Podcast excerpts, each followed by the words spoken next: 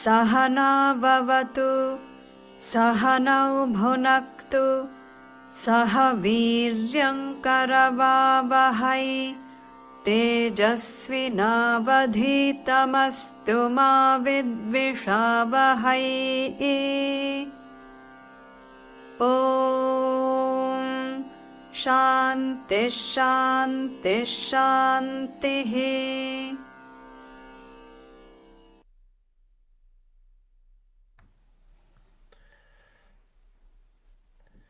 protože na rozdíl od běžných studentů filozofie nám nejde o to získat pouze informace a naším cílem je transformace nebo je změna naší osobnosti, tak proto věnujeme vždycky na začátku chvilku hodnotám, které do té míry, do které jsme je vstřebali, nám pomáhají potom vstřebat to, co nám říkají védy, respektive v našem případě uh,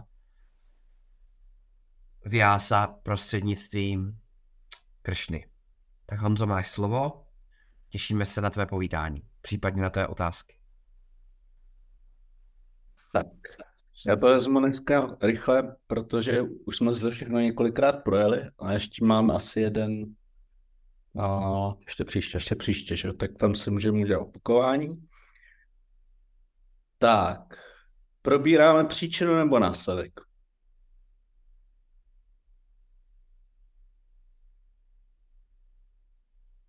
Následek. A začali jsme tím, že jsme si probrali dvě čtyřky. Jestli si pamatujete. Nejdřív jsme si probrali Artu, Kámu, Darmu a Mokšu. Čtyři cíle. No, to byly čtyři cíle. Ty byly... A jak se to nazývá v sanskrtu? Purušarta. A čtyři? to, to, to nevíš, tak čatur. čatur Purušarta. Ha. Jo. Čtyři cíle a potom jsme se, protože to je propojený, jsme se bavili o čtyřech kvalifikacích. Kvalifikacích, ano. A jaké máme ty čtyři kvalifikace? Vivéka, Pajrágia, Mokša a Dharma. O, to trojka je Samády, šatka, sampatia je to ta šestinásobná disciplína začínající šamu. Šamadama a tak dále. Jo? Mm-hmm. A ty právě nejsou tak podstatný tady pro tu hodnotu. A tady pro tu hodnotu jsou podstatní první jaký? Vivéka a Vajrági. První dvě, proto jsou odvel. A protože jsme si řekli, že teda probíráme příčinu a následek, Vivéka je příčina a Vairagia je následek. Výborně. Tak my se to tady hezky tady vyprávíme. A uh, tak už víme, jak to souvisí. Tedy teďka respektive to propojíme. Vairágia je důsledek rozlišování a je to důsledek rozlišování mezi čím? Mezi tím, co je trvalé a tím co je pomíjivé. A pomíjivé je co? Protože už v tom názvu jsem to minule úplně tak neřekl, ale v, uh, v tom názvu je Indriarte Shuvajrágiem, což znamená předměty smyslových ob, uh, těch uh, smyslů prostě, objekty smyslu. Tak a proč bychom měli rozlišovat mezi tím, co je trvalým a mezi těmi objekty, které jsou pomíjivé.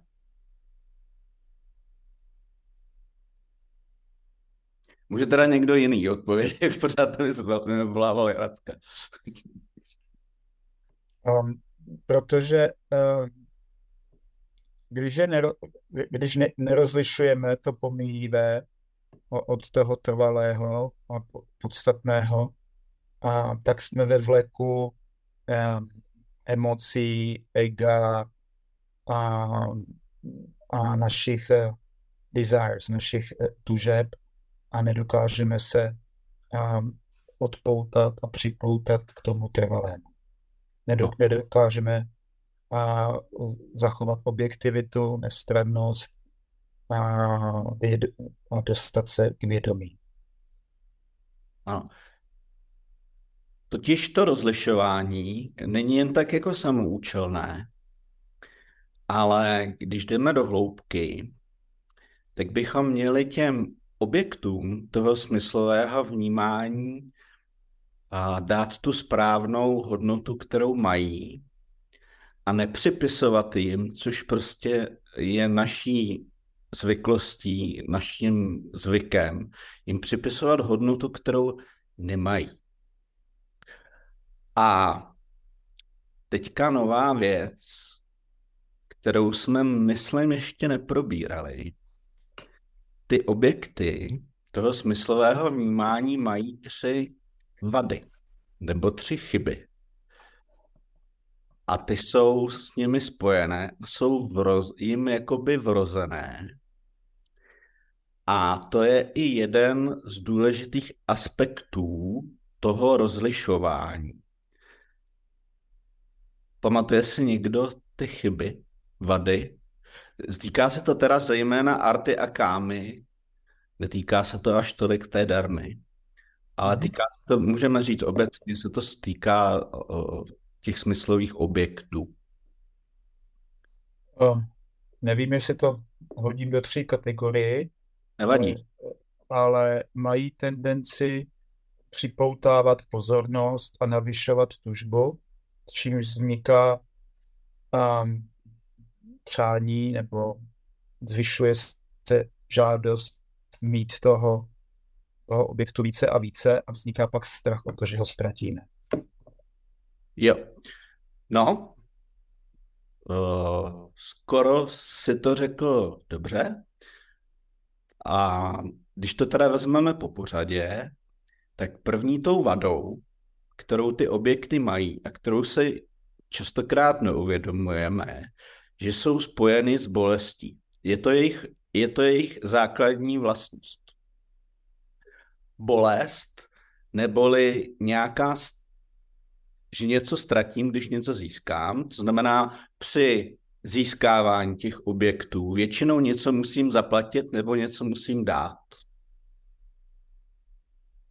Ať už se to týká předmětů, obyčejných předmětů, anebo teoreticky i nějakých vztahů nebo lidí, protože musím vyvinout nějaké úsilí, samozřejmě stojí mě to čas, ale zároveň nevyhnutelně je tam spojená, je tam i ta bolest, která je spojená s tou ztrátou toho objektu, protože každý objekt nevyhnutelně ztratíme a to se týká i vztahů. A to bychom měli vědět, a když s tím počítáme, tak těm objektům připisujeme tu správnou hodnotu a pak by nás neměli zaskočit, když o ně přijdeme nebo je ztratíme. Neboli a, každé spojení končí rozpojení.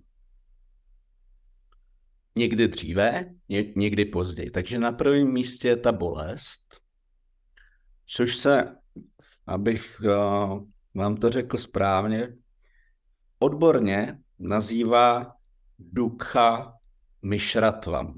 To se nemusíte pamatovat, ale kdybyste to někdy slyšeli, tak je to Dukha Mishratvam.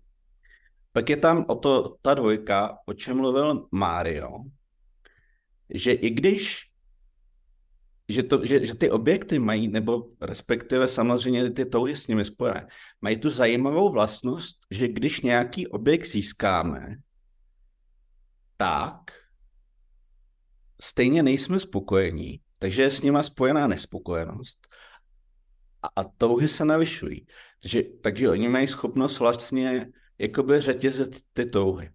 ten známý příklad je, chci vystudovat vysokou školu, vystuduju vysokou školu, chci si pořídit manžela či manželku, pořídím si manžela či manželku a pak děti a tak dále. A pořád se to nabaluje, nabaluje a nabaluje. Takže, takže, i, takže ta dvojka nebo je, neboli ta druhá vada, kterou ty objekty mají, je nespokojenost. A potom, to myslím, že Mario taky říká, jak se to říká v sanskrtu, taky jsem se to tady napsal, je to atrpty karatvam, odborně řečeno. To je ta nespokojenost.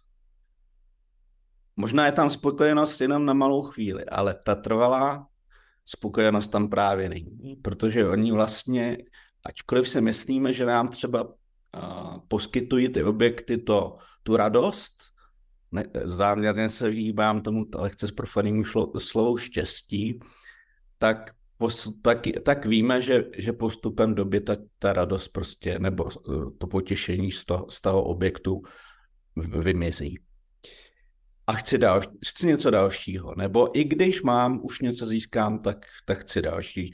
Vy, vydělám milion, chci 10 milionů. Vydělám 10 milionů, chci 100 milionů. A tak dále, tak dále. Takže to je ta dvojka. No a ta třetí je, že způsobuje co? Závislost, což myslím, že Máro právě správně říkal, a to, to se nazývá banda tatvam, protože ty objekty vlastně působí tak, jak, tak jakoby malé berličky, o které se opíráme. A, a protože se o ně snažíme neustále opírat a hledáme další a další berličky, tak vlastně jsme závislí pořád na těch malých berličkách a nenaučíme se vlastně úplně pořádně stát a chodit na vlastních nohách. Takže to jsou ty tři vady, které jsou s nimi spojené. Což neznamená, že nemají i nějaký účel. Mají, jsou užitečné. Například teďka máme tady ten celý, jak Petr říká rád, setup. Máme tady ten setup, který nás na začátku máme upset. Způsobuje, že jsme byli upset, protože jsme neměli Petra. tak nám umožňují se vlastně spojit a mít tu hodinu. Takže jsou užitečné, ale, nespust, ale nemají tu schopnost nám poskytnout to trvalé zabezpečení. Takže to jsou ty tři vady. No a asi bych to dneska neprodlužoval, když Petr se nám chystá říci další zajímavou část Bhagavad Gita, ačkoliv je lehce indisponován. Pokud teda nemáte k tomu nějaké dotazy.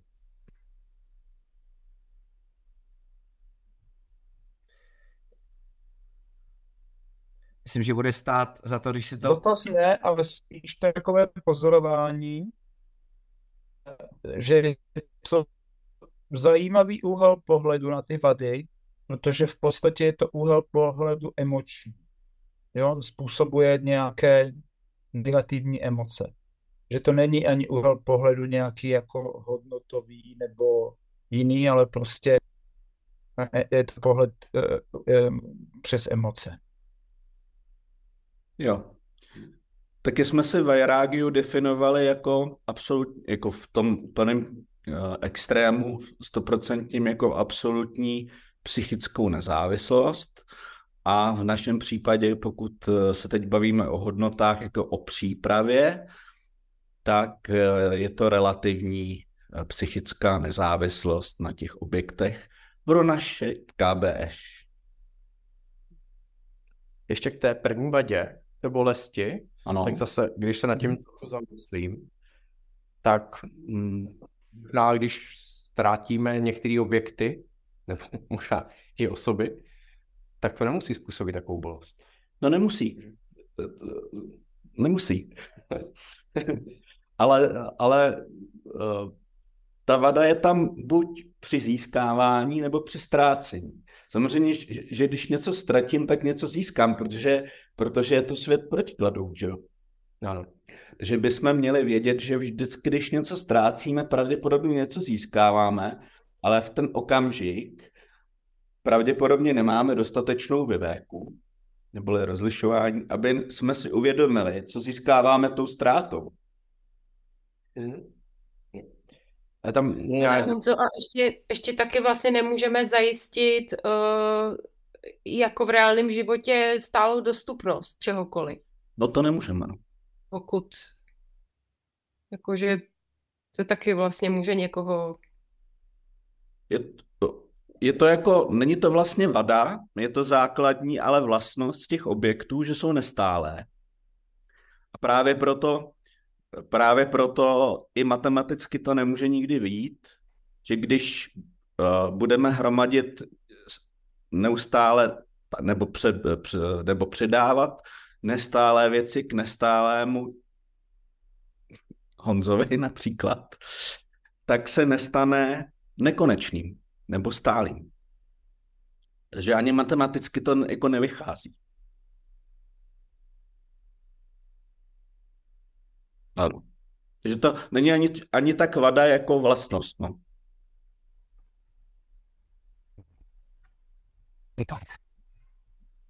Tak jo. Tak tolik, tolik došas neboli vady objektů. Uh, téma související s Vajrágiam. Indriarteshu Vajrágiam, uh, kterou jsme dneska zopakovali díky vám a díky Honzovi. Ještě, ještě se k této hodnotě paradoxně vrátíme v, v jejím absolutním pojetí za chviličku, protože naše téma je, víte jaký? To Mario se hlásíš nebo děláš něco s počítačem? Snažím se dělat něco s počítačem. Jo. A vybavuješ si, který jsme probírali téma minule? Nebo někdo jiný? Tak Nepří, nepříznivé situace. to taky, to taky. Radku? A mluvíme celou dobu, už poslední asi tři hodiny o Styra Pragňovi, Styra, Styra Pragňovi, mm-hmm. o jeho vlastnostech. Styra. Styra. Člověk tak. pevně ukotvený v poznání. Ano, ano. Přesně tak. A, a dneska se dostaneme ještě o kousek dál, protože, protože si povíme, uh, jak, jak se někým takovým uh, můžeme stát, můžete, můžete stát. Takže jak avizoval Radek, téma je stita pragňa, nebo taky styra pragňa, oba dva ty termíny se používají. A k tomu odle tématu se dostal Arjuna tak, protože se ho prakticky smýšlející Kršna zeptal, jak takový člověk, který je ukotvený poznání, myslím, že se ptal, jak mluví, jak sedí a jak chodí. Zkrátka se ho ptal, co je, co je zač. A uh, my jsme si říkali, že Styra Pragna je ten, kdo, kdo má neustále dispozici pevné sebepoznání, neboli gnánam. Tady bych podotkl, že když používáme slovo gnánam, tak v kontextu Vedanty máme obvykle, pokud neřekneme jinak, na mysli sebepoznání. Uh, tak. Uh, stojí za to si uvědomit, když se, když se podíváte na spirituální cestu a myslím si, že už ji máte, doufám, teda tak trochu na, načrtnuto v hlavě, všechno v pořádku, Radku? Jo, jo, malý technický problém, ale nenech se rušit. Dobře. Eh, když si představíte spirituální cestu, tak eh, víte, že eh, člověk se zejména v počáteční fázi věnuje karmajóze a posléze přejde k ňánajóze, zkratce a jednoduše řečeno. A stojí za to si uvědomit, že i ten karma yogi samozřejmě má nějaké, nějaké vědění, protože díky tomu, co ví, je schopen praktikovat karma yogu. Jinak by dělal jenom karmu. To znamená, ví jak, uh, ví, jak tu karma yogu provádět, ale v jeho případě to jeho vědění nenazýváme dňána.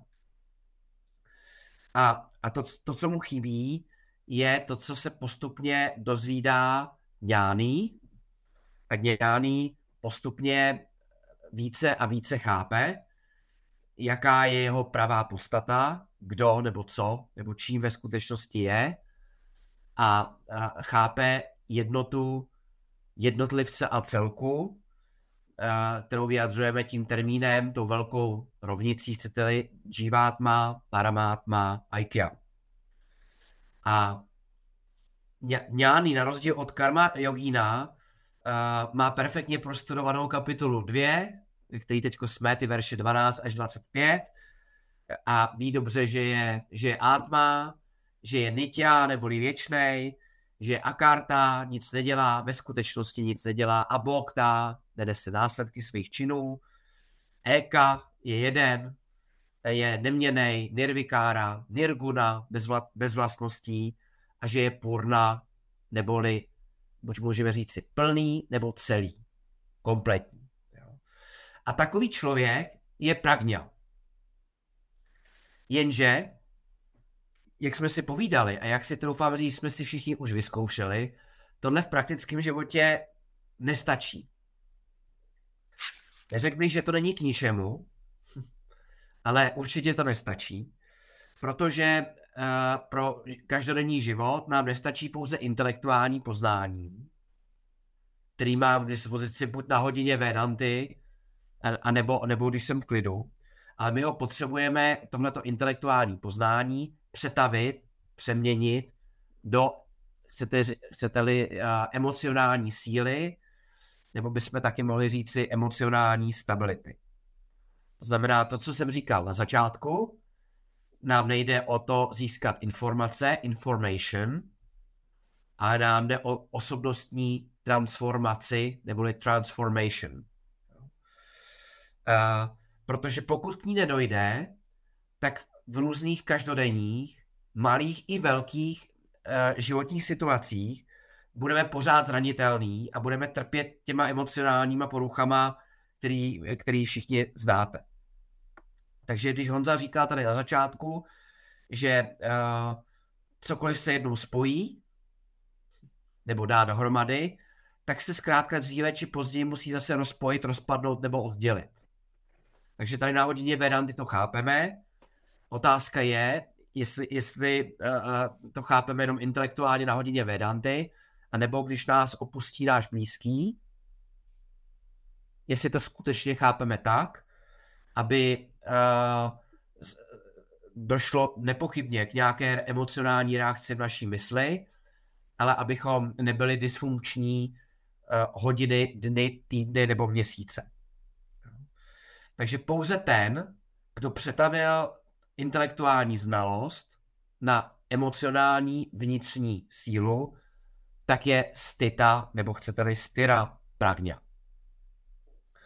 To znamená, že takový člověk to chápe a cítí naprosto neochvějně. Myslím, že Sunandáči říkala, uh, to vyjádřila tak, že a, a mind should feel what the intellect knows and the intellect must understand what the mind feels.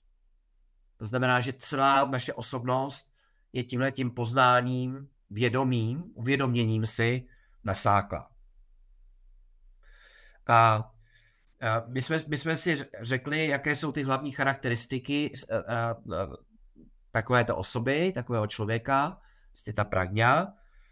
A řekli jsme si, že zaprvé je spokojený tak, jak je sám o sobě.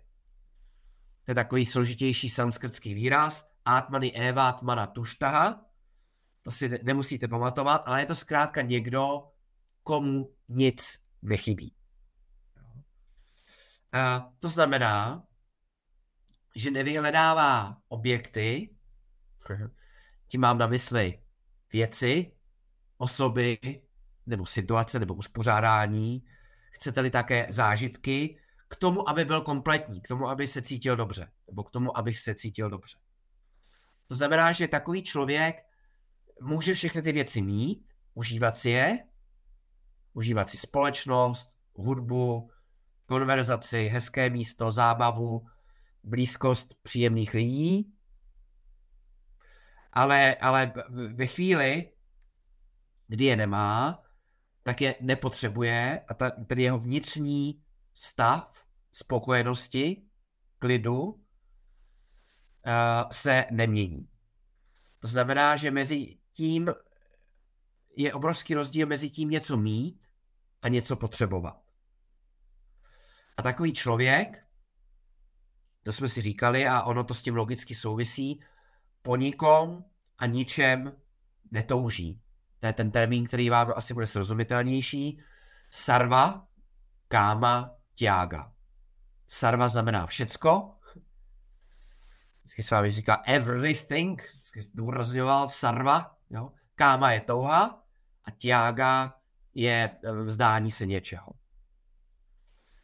A s tím souvisí třetí, třetí popisná charakteristika a to je samatvam, neboli jeho emocionální vnitřní vyrovnanost za všech situací. To jsou ty protiklady, heat and cold, záměrně to říká anglicky, jste to tak mnohokrát mnozí z vás slyšeli, heat and cold, joy and sorrow, honor and dishonor. To jsou ty, to jsou ty nejtypičtější, často zmiňované protiklady.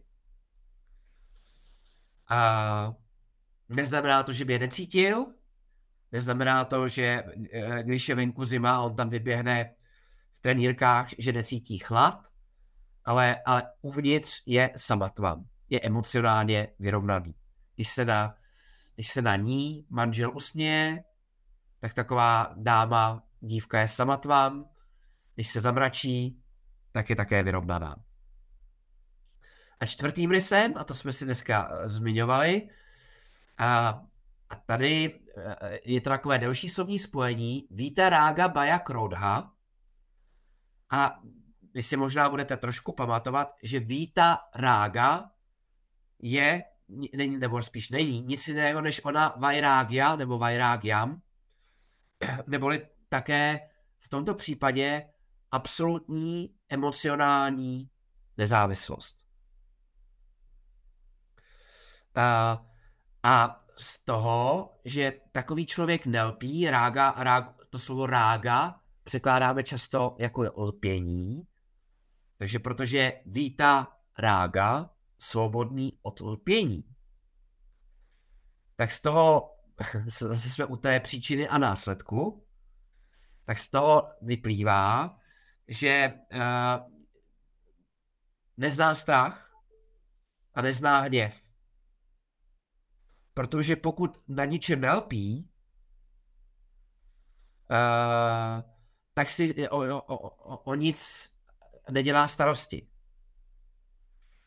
Uh, pokud nelpí na tom, že jeho děti budou premianti ve škole, tak nemá strach z toho, že nebudou. A pokud náhodou nejsou, tak se nerozlobí. Což ovšem neznamená, že by nevedl své děti nebo se jim nevěnoval, pokud děti má. Jo. Ale v té emocionální úrovni nelpí, pardon, nelpí na věcech, lidech a situacích. Takže tady myslím, že stojí za to, aby jsme si všichni připomněli a dobře chápali tu kauzalitu mezi lpěním a mezi uh, strachem a hněvem. Ty druhé dvě, strach a hněv, nebo druhé dva, jsou následkem toho prvního. Uh, takže takový člověk může například žít s partnerkou nebo s partnerem, uh, milovat ho, milovat jí, ale nebýt emocionálně závislý. To znamená, že když za ním ten druhý řekne a že chce odejít, ne, ne nutně na pořád, ale třeba jenom na víkend, tak, tak se takový člověk nerozlobí, protože my víme, že hněv je pouze obrácená inverzní touha. Je to, jak říká s vámi hezky, deflected thought current, protože touha víme, že je koncentrovaný tok, myš, tok myšlenek a tady dojde tomu, že se tam objeví nějaká překážka a dojde k tomu, že, že ta, ta touha nebo lpění se přetransformuje na hněv. Takže to byla eh, poslední charakteristika. Pardon. A ještě se podíváme na jednu ve verši 57. Radku, prosím.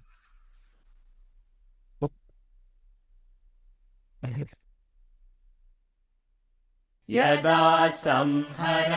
57 Petře? Ano. Zopakovat. Pardon. Mhm, děkuju. यस्सर्वत्रानभिस्नेहः तत्तत्प्राप्य शुभाशुभम् नाभिनन्दति न द्वेष्टि तस्य प्रज्ञा प्रतिष्ठिता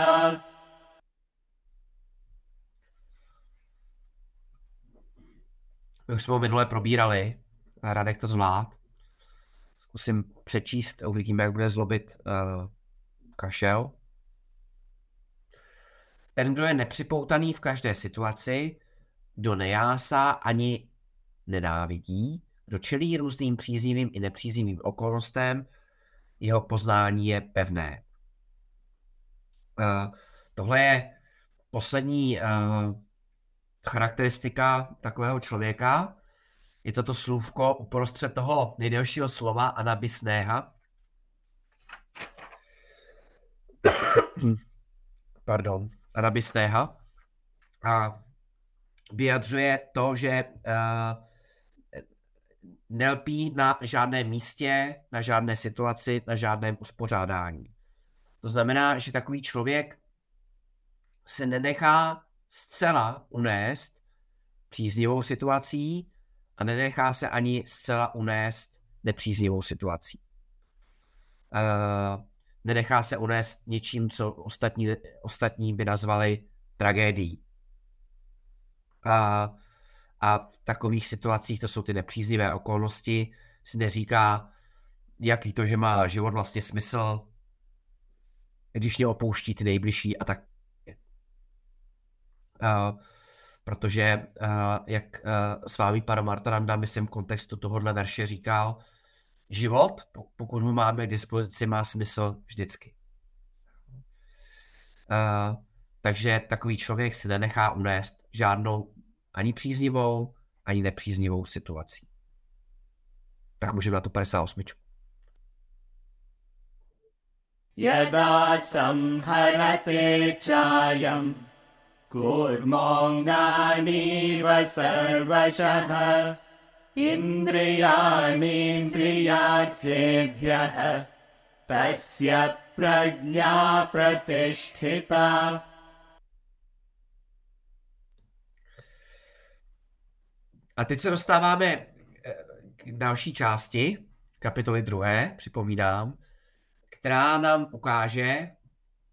jak dosáhnout toho, když už člověk má k dispozici učení Vedanty, jak ho přetavit v, uh, v pevné poznání, to znamená, jak se dostat z té fáze pragňa do fáze stita pragňa. A, a Kršna to v několika verších, tuším, že asi 11 verších, uh, rozebere. Uh, a bude se zejména zabývat kontrolou smyslu, nebo chcete-li kontrolou smyslových orgánů. Ale já vám ještě dám z začátku trošku nadhled a zmíním všechny tři základní praktiky sádhaná z techniky,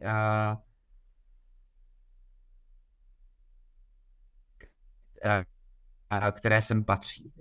Povedeme si. A tou druhou technikou je Indri já.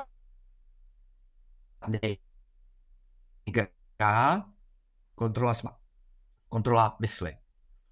Mimochodem to nám pěkně připomíná, uh, že kontrola smyslu a kontrola mysli není jen nějaká laciná praktika, nějaká zbytečná strohost, a že skutečně je to nutná součást duchovní cesty a že bez ní se cíli nedostaneme. Vidím, že tam svítí ten verš, tak já ho rád přečtu a, a pak se vrátím k těm třem duchovním technikám. Mimochodem známý verš se želbou. Myslím, že se ho budete vždycky pamatovat. Navíc, když člověk dokáže úplně stáhnout své smyslové orgány od smyslových objektů, podobně jako želva stáhne své končetiny pod sebe, pak je jeho poznání pevné. To je ten konec pragňa pratištita.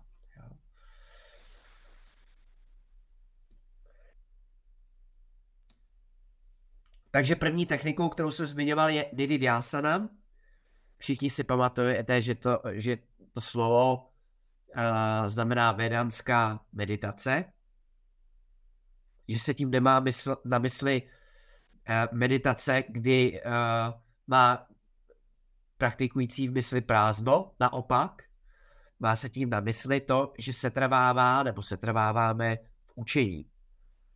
Uh, Mimo jiný například se trvává na myšlence, že mé štěstí na nikom a ničem zvenku nezávisí.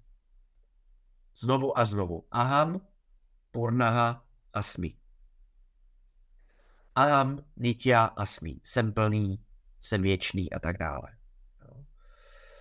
Uh, to znamená, že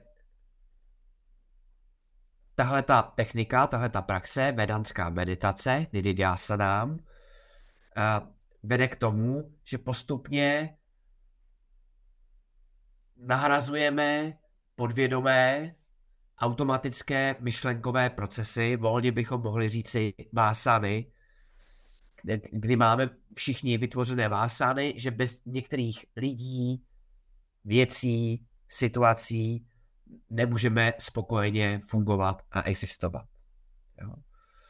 Uh, a to, tyhle ty zaběhlé návyky je vlastně potřeba nahradit uh, tím, co se učíme tady ve Vedantě, že ve skutečnosti pro vlastní štěstí nepotřebuju nic. Uh, a to je, to je hlavní cvičení, vlastně rozbitý, rozbití zažitého myšlení. Řekl bych, že ten nej, nejzákladnější zažitý obraz, který lidé o sobě mají, je jsem tohle tělo. Tohle tělo je Petr. Případně tohle tělo a, a myšlenky jsem já. Ve skutečnosti víme, že to tak není. Takže to je první technika, Nididhyasana. Ta druhá o které pojednává zejména tento verš a další verše, které budeme dneska studovat, se jmenuje uh, Indriya Nigraha, neboli kontrola smyslových orgánů. Uh, a jde o to, že dokud naše poznání není pevné, to znamená, pokud nejsme v té fázi stita, styra, pragňa, tak je potřeba, abychom se vyvarovali uh, divokých výkyvů a emocí naší mysli. Proč? Protože divoké emoce, extrémní emoce, ty, které nazýváme kladnými, i ty záporné, nám brání právě asimilovat uh, Vedantu. Uh, to znamená, a my víme, že do naší mysli vede pět bran, máme tam pět, pět vstupů, pět smyslových orgánů, a prostřednictvím těchto pěti smyslových orgánů do naší mysli proudí informace o tvaru a barvě, zvuky, chutě, vůně a to poslední nevím, jak říct český hmat, jak se to říká. Jo, to, co, to, co nahmatáme. A jak krásně říkal Dayananda Svámeji a, a potom Paramartananda, říkal, měli bychom si ideálně tady dát cedulku, a hlavně teda dovnitř, nenutně na čelo. No admission without permission. Naše mysl není odpadkový koš. Podobně, mimochodem, jako myslím, že řada z nás pochopila, protože to je hrubější a tudíž snazší, ani náš žaludek není odpadkový koš. Jo? To znamená, a pokud člověk Vénatu studuje, studuje ji možná prvních několik let, tak je potřeba to relativně křehké poznání chránit. Tak jako když zasadíme rostlinku, máme malý stromeček, malý výhonek. My jsme teďko uh, lodi a leto zasadili nějaké stromky na Šumavě, tak uh, jelikož tam bude velký mráz a chodí na ně srnky a králíci, tak je potřeba je chránit, než budou dostatečně silný a pevný. A, a než budou uh, dostatečně vzrostlí a budou mít dostatečně silnou kůru. A proto my potřebujeme regulovat, nikoli potlačit naše smyslové orgány, uh, tak, abychom mohli dobře asimilovat Vedantu. A tady udělám malou odbočku, malinkou, a, zejména v kontextu uh, se akorát připojila Jindra, uh, která se týká hádek, uh, která se týká hádek. Uh, uh, v tom smyslu, že hádka má tu zajímavou vlastnost, že dokáže uh, zneklidnit naši mysl na dlouhou dobu. I malá hádka, já jsem rád, vidím, že se usmíváš, po dvou si nenaznačoval, že jsme se s jednou hádali. Uh, dokonce jsme se dlouho nehádali. Uh, hádka má velký potenciál, velký, opravdu velký potenciál rozrušit mysl. A proto Vedantin si dává na jakýkoliv náběh k hádce veliký pozor. Uh, protože v hádce se vygeneruje více horka a tepla než, než světla. My potřebujeme v sobě generovat světlo poznání, nikoli horko hádek. Takže v souvislosti s Indriya Nigraha, kontrolou smyslových orgánů, bych ještě extra chtěl zmínit, uh, abychom, že vlastně Vedantin, ten, ten, kdo je na duchovní cestě, na spirituální cestě, je velmi opatrný, než vstoupí do jakéhokoliv konfliktu. Práci, v rodině nebo třeba se sousedy. Tak a, a protože ta cena je vysoká. Uh, a třetí je kontrola mysli, takže Nididyasanam, Indriya Nigraha a Mano Nigraha, kontrola mysli neboli regulace našich myšlenek. Uh, je samozřejmě obtížnější disciplína než kontrola smyslových orgánů. A uh, tady jde o to, že třeba i jedno slovo, pronesené mimochodem, třeba v nepozornosti, které pronese někdo, s kým si povídáme, nebo které proneseme my a někdo ho slyší, tak může se trvat v, v mysli toho, kdo ho slyšel, vstoupí tam tou branou, v tomto případě ušima, dlouhou dobu. To znamená, že takový člověk může znovu a znovu prožívat ve své mysli tu danou větu, větu to dané slovo, nebo třeba i absenci slova. Třeba, že uh, uh, přijdete domů a nepozdravíte, protože jste zkrátka zamyšlený a ten druhý může o tom znovu a znovu přemýšlet.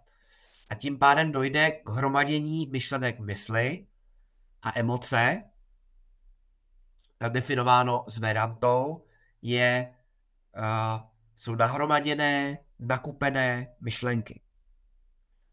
To je pro nás důležitý v tom, že žádná situace, žádná událost v nás nevytvoří emoci okamžitě, v, tom, v jednom momentu. K tomu, aby došlo k vytvoření emocí, je potřeba trochu času a setrvání na té myšlence.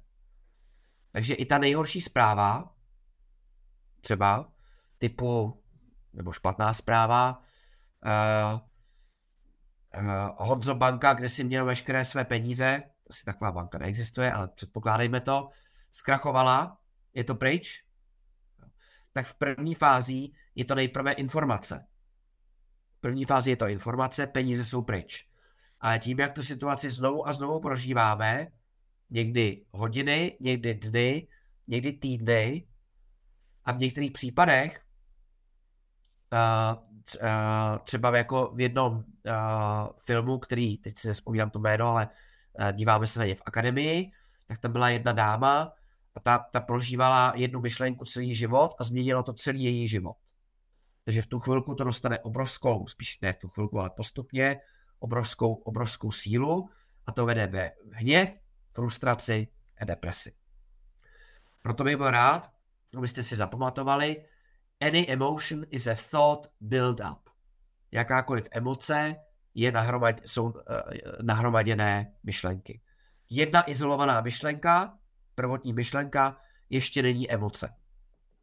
To je důležitý, protože možná se to vzpomenete, snažil jsem se to říct hodně důrazně, když jsme to probírali, to, že se nám uh, v mysli vynoří nějaká myšlenka, nemáme zcela pod kontrolou. Možná vzpomínáte. Mysli se nám může vynořit lecos. Ale to, co s tou myšlenkou uděláme, už pod naší kontrolou být může, respektive by být mělo. Jo? Takže Manony Graha je schopnost sledovat své myšlenky a ponechat stranou veškeré události, které vedou k silnému nakupení, nahromadění myšlenek. Jo? A právě díky těmto dvěma technikám, Indriya Nigraha, kontrole smyslu, a Mano Nigraha, docílíme toho, že naše mysl, mysl studentů, neprochází velkým častým rozrušením. Je relativně klidná.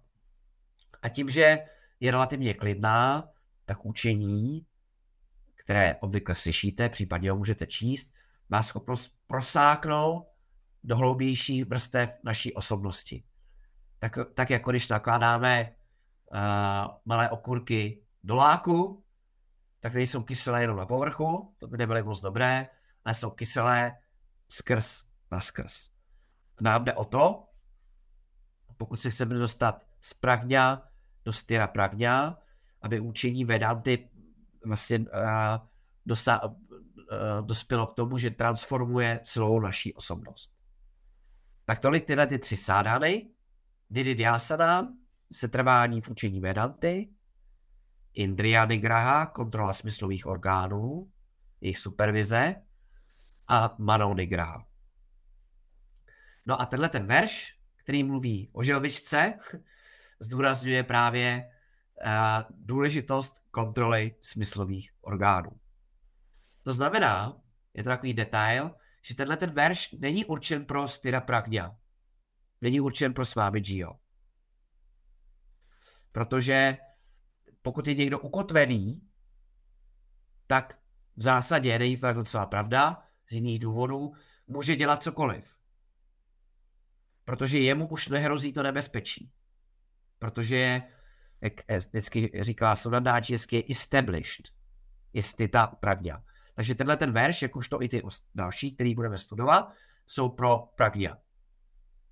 A, a když se zamyslíte nad, nad želvou, tak želva v zásadě nemá žádné velké zuby, některé želvy asi nemají skoro žádné, ani, ani drápy, ani jiné, jiné zbraně a volně se pohybuje a kdykoliv hrozí nějaké nebezpečí, tak se stáhne pod ten krolíř. Stáhne všechny čtyři končetiny a stáhne i hlavičku a čeká, dokud nebezpečí nepomine. Jo? Uh, podobně Uh, možná jste to slyšeli. A wise man? A wise man. Uh, angels, angels fear. Fools rush where angels fear, fear to tread. Blázni se ženou tam, kde se andělé bojí vstoupit. To znamená, že moudrý člověk je opatrný, co si pustí prostřednictvím smyslových orgánů do své mysli. To znamená, že pragňa, tak jako my všichni, je v kontaktu se světem a když mu v nějaké situaci hrozí, že u něj může být vyprovokována rága, dvéša, káma, kroda, loba, moha, madama, caria, tak se stáhne.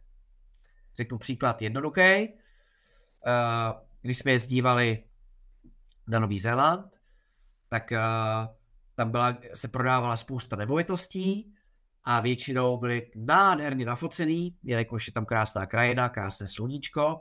A já jsem věděl, že se nesmím koukat na ty plagáty, kde jsou nafocený ty eh, nemovitosti. Protože když tam na něj se budu koukat, tak hrozí, hrozí, že to zbudí touhu a budeme chtít na Novém Zelandu koupit nějakou nemovitost. Takže, takže jsem se uh, v zásadě tenkrát, protože už jsem to znal, víceméně ovlád a, a nekoukal na ně. A myslím si, že kdybych to listoval, dost možná jsme s Jindrou mohli mít uh, třeba i nějaké ty hádky, které by zneklidnily naši mysl o to, jestli máme uh, nebo je to skoupit nebo ne. Takže to je první situace, uh, že moudrý člověk dobře ví, kdy u, ní, u něj může být vy, vy, vyprovokována například touha nebo hněv. A těm situacím se vyjde, pokud může. A nebo je druhá varianta, a to je provokace, kdy se může projevit jeho ego. A, a to je právě situace, kdy, kdy to hrozí, že daná konverzace přeroste v hádku. Já na to často myslím. Řeknu vám proč. Protože uh, myslím, že to je dobrý příklad. Hádka je jako zubní pasta. Nebo jako krém. Když se vymáčkne hodně, tak už to nejde vrátit. Takže se to někdy stalo. Uh, jinými slovy, jakmile hádka začne, tak je hrozně těžký přerušit. Já se na to často vzpomenu, když vymačkávám tu pastu, teda častěji při vymačkávání pasty je to jednodušší. Uh, a jde o to, abychom se na to vzpomněli i v případě, že pouze, uh, řekl bych, na rozbřesku, v rozbřesku nějaký potenciální slovní konflikt. Jo? To znamená, že moudrý člověk ví, že těmhle těm všem situacím je lepší se vyhnout. Je lepší se vyhnout uh, některým televizním pořadům, některým filmům, některým zprávám, některým lidem, některým místům a tak dále. A wise man should not go where he would be tempted. Skoro bych řekl a wise woman as well. Jo? Tak. Protože uh, při tom prvním kontaktu v některých situacích máme ještě nějakou sílu. Například člověk, který nepije, který celý život nepije, tak při prvním kontaktu s alkoholem, nebo s cigaretou, nebo s, dro- s drogou, je relativně silný. Nebo s Facebookem. Mimochodem, nebo s nějakou jinou sítí, sty- úplně stejný dopaminový mechanismus. Při druhém, třetím jsme slabší.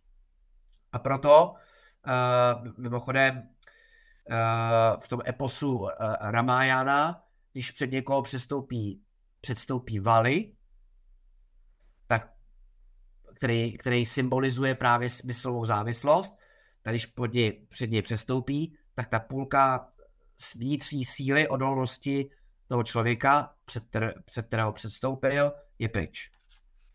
Jo, to znamená, že každá adiktivní věc, uh, pokud není bezprostředně k dispozici, nebo pokud jsem ji opakovaně uh, nekonzum, nekonzumoval, tak nade mnou nemá sílu. Jakmile je přede mnou, půlka mojí síly je pryč, pokud ji vyzkouším opakovaně, tak uh, moje síla slábne. Myslím, že to všichni známe uh, a viděli jsme to jak u sebe, tak okolo. Prostě.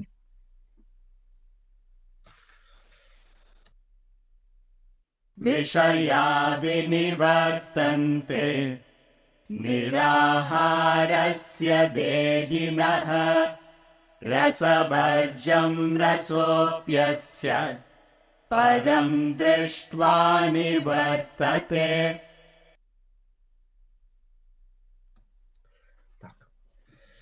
Objekty smyslů se od člověka zdrženlivého odvracejí, kromě touhy po nich. I tato jeho touha ho po poznání nejvyššího opouští. Tohle vždycky pro mě býval složitý verš a zkusím vám ho vysvětlit poměrně jednoduše. Jde o to, že naše závislost na objektech je v zásadě dvojího typu. Za prvé je to závislost smyslů, smyslových orgánů, očí, uší, uh, jazyka a tak dále. A potom je to mentální závislost, která jde mnohem hlouběji. A, a proto je, pokud se člověk rozhodne přestat obvykle s nějakým zlo, zlozvykem, tak bývá tak obtížně abstinovat. Protože uh, fyzicky například nekouříme, ale, ale ta mentální závislost, uh, přestože ta fyzická už může být pryč a i ta potřebuje nějaký čas, v případě nikotinu nepochybně, tak ta mentální závislost přetrvává ještě po dlouhou dobu. Z toho v podstatě vyplývá, že uh, je potřeba být opatrný po dlouhou dobu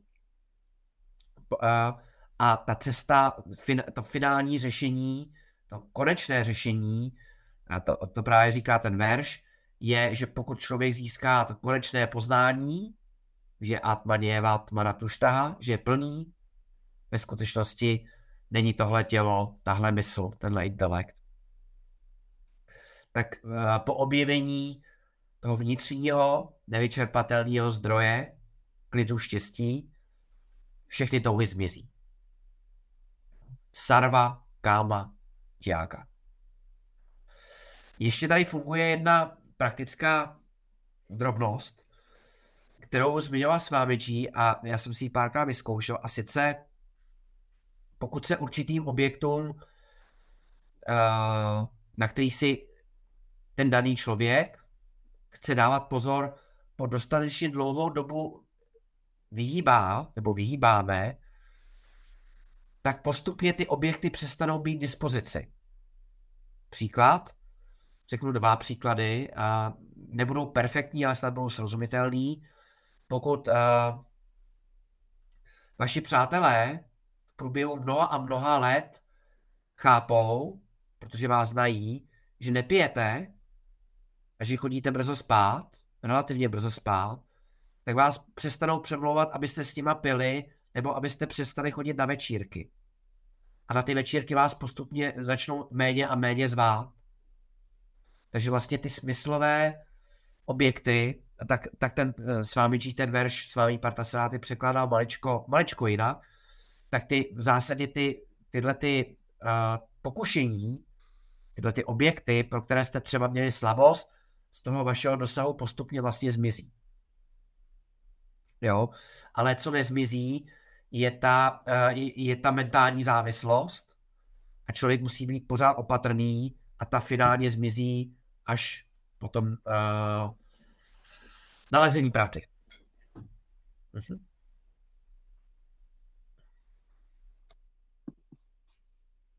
यततोऽह्यपि कौन्तेय पुरुषस्य विपश्चितः इन्द्रियाणि प्रमाथीनि हरन्ति प्रसभं मनः O Arjuno, v skutku mocné smyslové orgány násilně unáší mysl i moudrého člověka, který se usilovně snaží. Tohle je uh, takový pozbudivý verš, řekl bych. Všimněte si, že mluví o nejenom o moudrém člověku, a dokonce o moudrém člověku, který se usilovně snaží. Kršna tím říká, že kontrola smyslu, smyslových orgánů, není vůbec jednoduchá. A z toho vyplývají pro nás jako dvě praktické věci. Za prvé, když se nám to zpočátku tu a tam občas úplně nepodaří, tak nemusíme, neměli bychom mít pocit viny, protože vina nám v žádném ohledu neprospívá. A za druhé, a sice uh, je potřeba pochopit, pardon,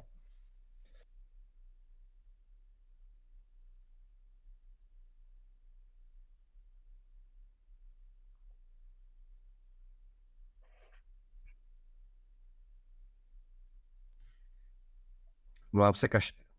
Omlouvám se, kašel trošku trápí. Slyšíme se? Slyšíme a mohli bychom jo. skončit. Ano, uh, myslím, že skončíme asi za minutku nebo dvě. Uh, zároveň nám ten verš říká to, že tím, že jsou smyslové orgány velmi silné, tak potřebujeme být opravdu bdělí. Bdělí v tom, co posloucháme, uh, co, na co se díváme, zkrátka možná moderní řečí, co konzumujeme. Protože smyslové orgány mají tu sílu, tu schopnost otáhnout naší mysl s takovou silou a takovým způsobem, že v tu chvíli zapomeneme na všecko, co jsme se kdy naučili. A, a ztratíme na okamžik nebo na díl to postavení lidský, lidský bytosti a de facto se dostaneme, dostaneme na úroveň zvířat. To znamená, že reagujeme naprosto emocionálně, mechanicky a, a, a představte si ještě v tu chvilku někdo přijde a řekne, a k čemu je ta středeční varianta dobrá? K čemu je ta gníta dobrá, když děláš tohle? A, a, a, a může se stát, že to člověka rozlobí, rozlobí ještě víc. Takže proto sečteno potrženo je potřeba kontrola smyslových orgánů, pochopit, že není snadná a pochopit, že vyžaduje naší dělost. Neboli eternal vigilance is the price of peace. Naše trvalá bdělost je cena, kterou platíme za náš vnitřní klid.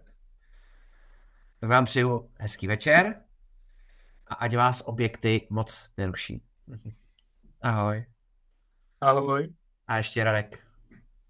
Nám to pustí, veď? Om Purnamadav Purnamidam Purnat Purnamudachyate Purnasya Purnamadaya Purnamevavashishyate Om Shanti Shanti Shanti